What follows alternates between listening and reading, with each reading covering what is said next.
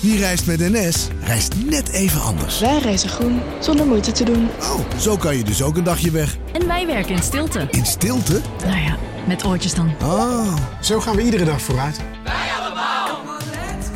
stap je ook in?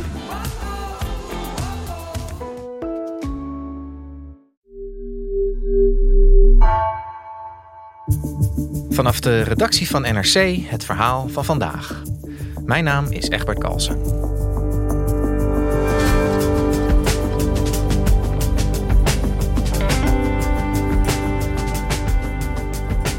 Nederland wil mensen in ontwikkelingslanden aan schone toiletten helpen. Maar over de daarvoor opgerichte kleine VN-organisatie kwamen klachten binnen. Er zou sprake zijn van zelfverrijking en vriendjespolitiek. En dus werd een grotere VN-organisatie ingeschakeld om beter toezicht te houden, vertelt onderzoeksjournalist Carola Houtenkamer.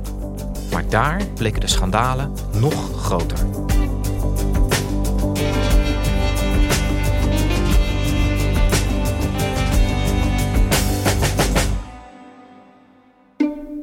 Wc's, latrines, niet meer buiten moeten poepen en plassen, maar dat op een toilet kunnen doen. Dat is niet het meest sexy onderwerp wat je je kunt voorstellen. En toch is dat iets waar Nederland al heel lang een punt van maakt. In ontwikkelingslanden moeten goede sanitaire voorzieningen worden gebouwd. Want dat is heel erg belangrijk voor de gezondheid van mensen. I'm proud to announce that the government of the Netherlands will be donating $50 million to the Water Supply and Sanitation Collaborative Council to foster our joint efforts. En er is een eh, fonds bij de Verenigde Naties dat dat doet. En Nederland is al jaren de trotse hoofdsponsor van dat fonds. En dat heet het Water Supply and Sanitation Collaborative Council, WSSCC. Want bij de Verenigde Naties doen ze natuurlijk alles met eindeloos veel afkortingen. En nou, Nederland is met een paar landen donor van dat, eh, van dat fonds. Wat een van de millenniumdoelen, namelijk persoonlijke hygiëne, toegang tot sanitaire voorzieningen, moet eh, ja, realiseren eigenlijk. Imagine a world where children no longer die of diarrheal diseases, where open defecation is a forgotten practice, where adolescent girls can safely manage their menstruation, where dignity is a way of life for all.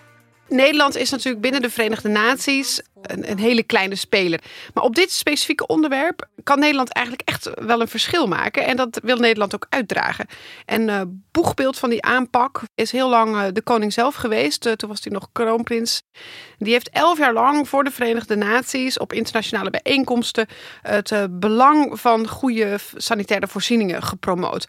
We are passionate about serving the entire international community at UN level as your partner for peace, justice, and development.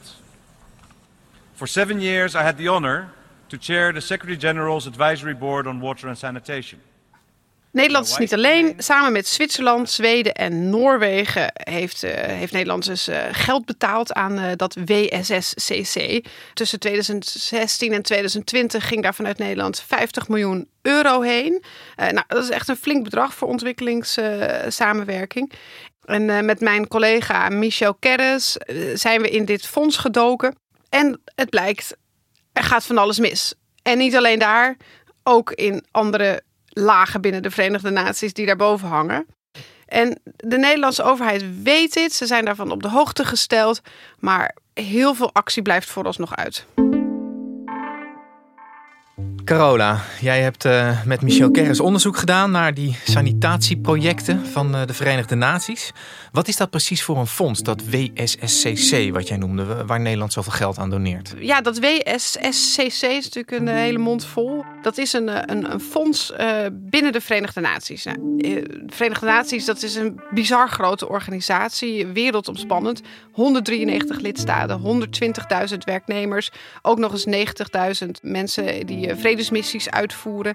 Ze zijn belast met een echt een krankzinnige waaier aan zware taken: klimaatverandering, mensenrechten, gezondheid, internetnormen, scheepvaart, regels, vluchtelingenopvang. Nou ja, you name it. En het is echt ook een hele complexe structuur met organen en fondsen, organisaties, programma's. Nou goed, het WSSCC is dus een fonds wat onder één organisatie hangt en wat dus is belast met het uitvoeren van een programma om sanitaire voorzieningen in ontwikkelingslanden te bouwen. En Nederland, het, kabinet heeft zich het doel gesteld om 30 miljoen mensen van veilig drinkwater te voorzien en 50 miljoen mensen toegang te geven tot toiletten en waterleidingen en riool.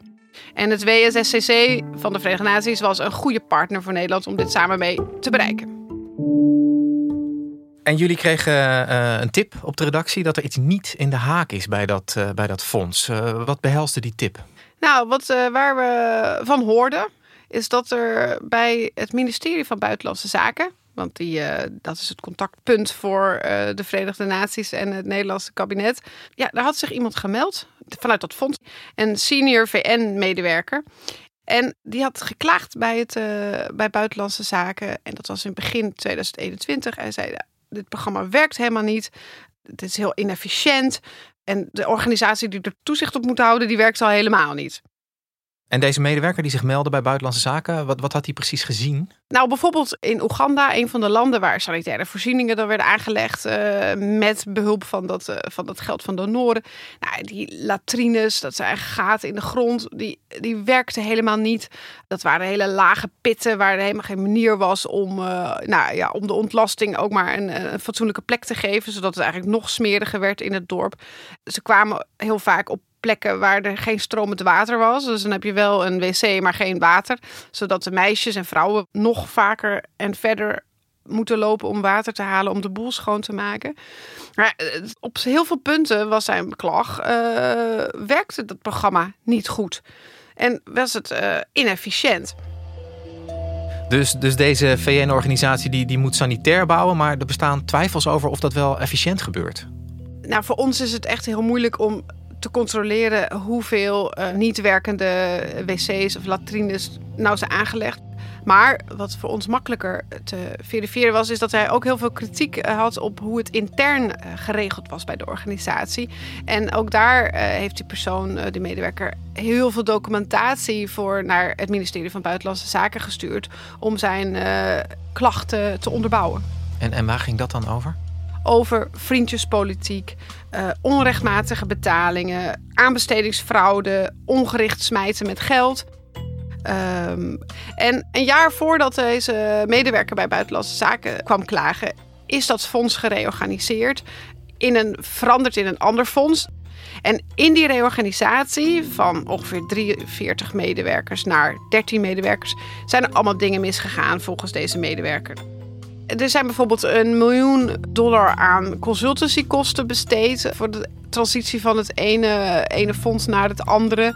Dan is bijvoorbeeld 90.000 eh, dollar neergeteld voor een communicatieadvies.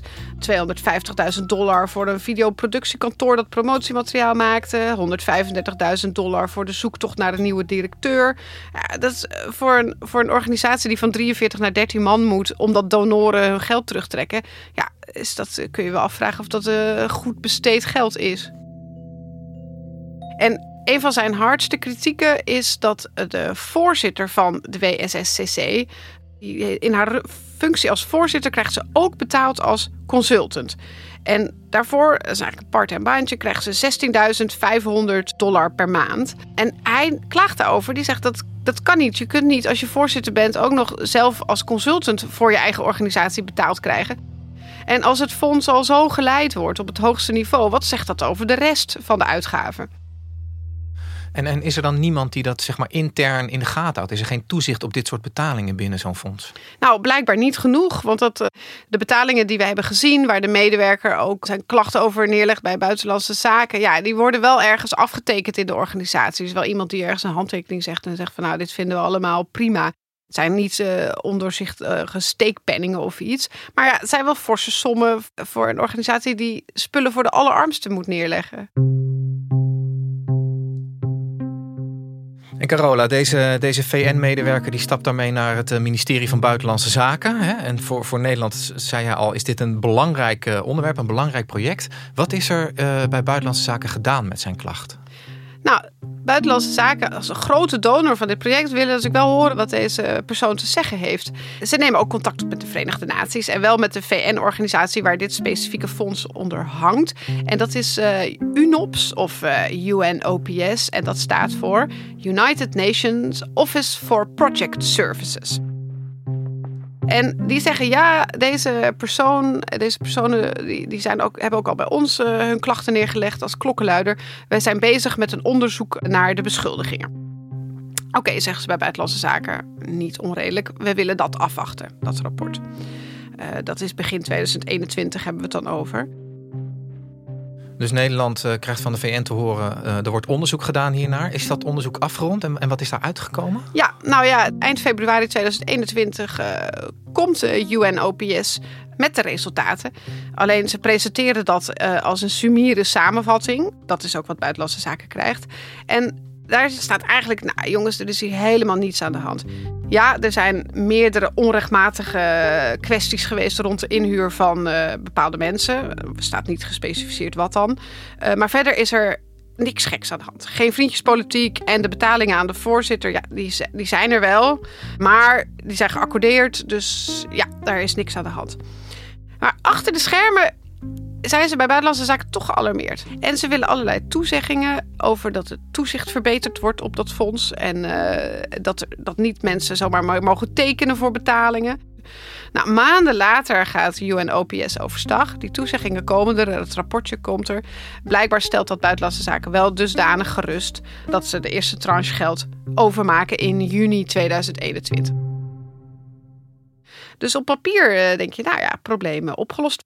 Ja, maar papier is geduldig, zeggen wij altijd. Maar hoe zag het er in de praktijk uit? Nou, in de praktijk ziet het eruit dat het daar bij UNOPS nog slechter geregeld is. En de, de schandalen nog groter zijn. Carola, nog grotere schandalen zeg jij bij UNOPS. Vertel eens. Nou, ik moet even vertellen wat de UNOPS doet. De meeste mensen hebben er nog nooit van gehoord. Het is een, een club met een omzet van uh, 2,5 miljard dollar. En als je in uh, Tanzania een uh, brug wil laten bouwen als land of als organisatie, dan kun je dat zelf gaan doen en een aannemer uh, daar zoeken. Maar je kunt ook de Verenigde Naties bellen. Bel je het projectbureau, UNOPS of UNOPS. En dan zeg je, ik wil graag die brug in Tanzania, kunnen jullie dat voor mij regelen? Of een school ergens, of toiletten in Oeganda. En het werkt als volgt. Als ik daar een project bestel, als Nederland, dan betaal ik een, uh, een soort extra fee om het geregeld te krijgen. En dan gaat UNOPS het allemaal voor me regelen. Dat is heel handig, want dan hoef ik zelf niet al die lokale contacten te leggen. Ja, klinkt, klinkt efficiënt, uh, maar zo werkt het dus niet. het klinkt uh, heel efficiënt, maar er zit een heel kwetsbaar punt in de opzet van UNOPS. En dat die fees die landen betalen voor die projecten, die stapelden zich op. UNOPS kreeg eigenlijk veel meer geld binnen dan ze opmaakten. Nou, en daar komt een enorm schandaal over uh, wat in het voorjaar van dit jaar bekend is geworden. En uh, dat begint met een, eh, een blogpost over gedoe bij UNOPS. En de New York Times die pikt dat blog op en die beginnen het uit te zoeken. En dan barst in mei dit jaar de bom op het moment dat ze publiceren over dat schandaal. Het blijkt namelijk dat UNOPS ineens uh, 22 miljoen uh, dollar van die reserves is kwijtgeraakt. Maar dan ook echt kwijtgeraakt. En dit is op heel hoog niveau. Dat geld is uh, aan één rijke familie gegeven. En dat is geregeld op een feestje in, uh, in Manhattan in New York. Dan moet je even uitleggen. Hoe, hoe zat dat? Nou, het schandaal begint eigenlijk in 2015. Dan is de baas van UNOPS, dat is een, ook een dame, ze heet Grete Faremo. Die weet dat ze heel veel reserves heeft opgebouwd. En ze heeft al een keer uitgesproken gezegd: ik wil niet langer een soort saaie, stille bouwpartner zijn. Eigenlijk moet UNOPS een investeringsfonds worden voor ook voor duurzame en klimaatresilient uh, projecten. Nou, UNOPS uh, moet veel meer gaan investeren en gaan ondernemen, is het idee, met die reserves die zijn opgebouwd.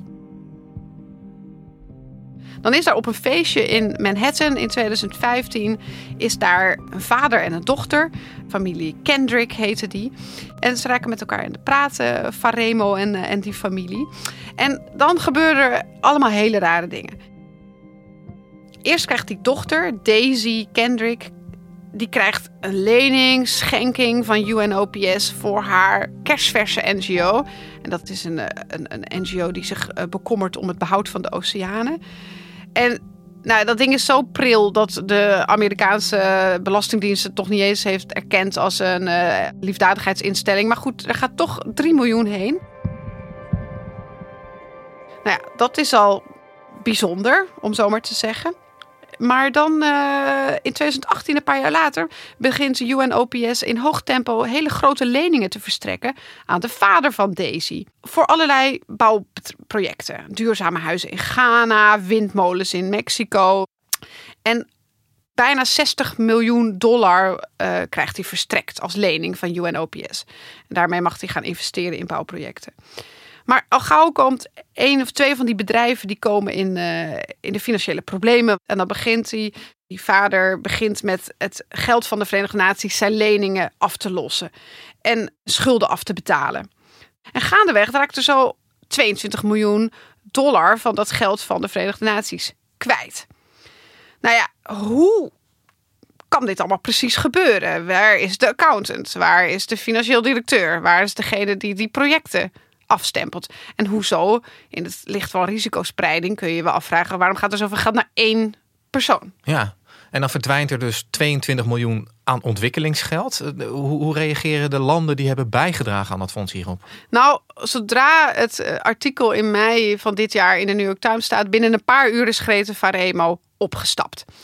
En landen zijn echt wit heet. Die zeggen van, hoe kan dit gebeuren? Want als dit allemaal kan passeren hè, onder het toeziend oog van de accountant en de financiële afdeling. Wat passeert er allemaal nog meer? En werken alle toezichtfuncties wel binnen deze organisatie? En in Den Haag slaat natuurlijk de stress toe. Want wat heeft het ministerie van Buitenlandse Zaken nu net gedaan? Nadat die eh, medewerker kwam klagen over dat eh, wc-programma.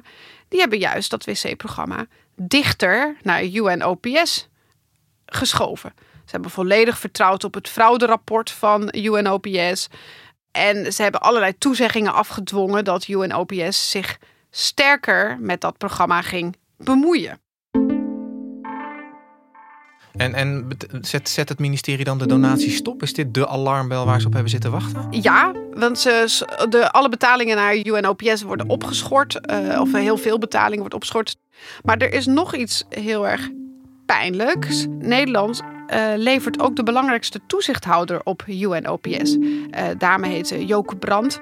En zij zit al sinds het uitbreken van dat schandaal in de Raad van Toezicht. En sinds begin dit jaar is zij ook als voorzitter van de Raad van Toezicht verantwoordelijk voor het afhandelen van het schandaal en voor het terugwinnen van het vertrouwen. Dus zij, Joke Brandt, heeft nogal wat uit te leggen. En dat kleeft natuurlijk ook aan Nederland dat wij die toezichthouder hebben geleverd. En, en hoe heeft, uh, heeft de VN eh, op, op, op deze kwestie gereageerd? Hebben jullie ook uh, ze gebeld met, met de bevindingen van jullie onderzoek? Ja, zeker. En kijk, de persoon die bij het ministerie van Buitenlandse Zaken aanklopt, als klokkenluider heeft hij heel weinig gelijk gekregen. Er wordt gezegd van ja, het mocht of het is getekend. Het is niet echt tegen de regels.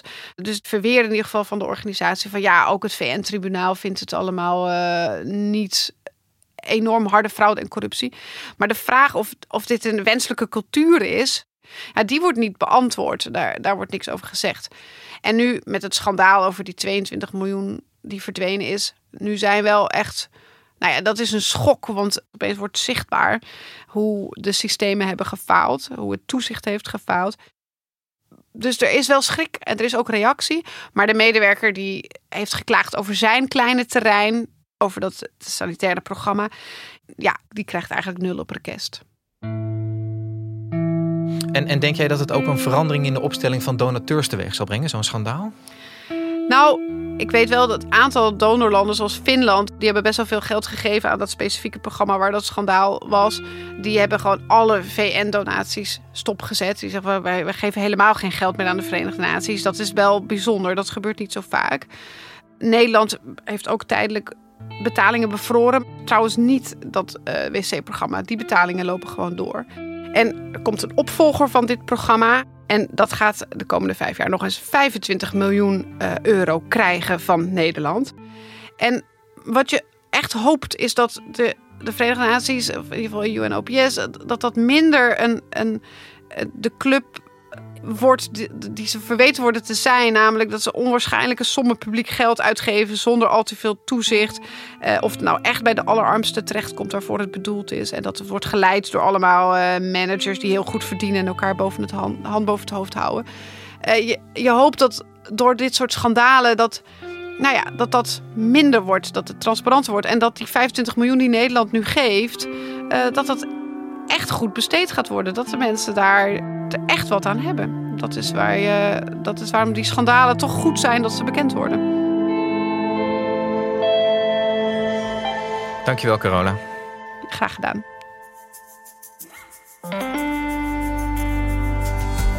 Je luisterde naar vandaag, een podcast van NRC.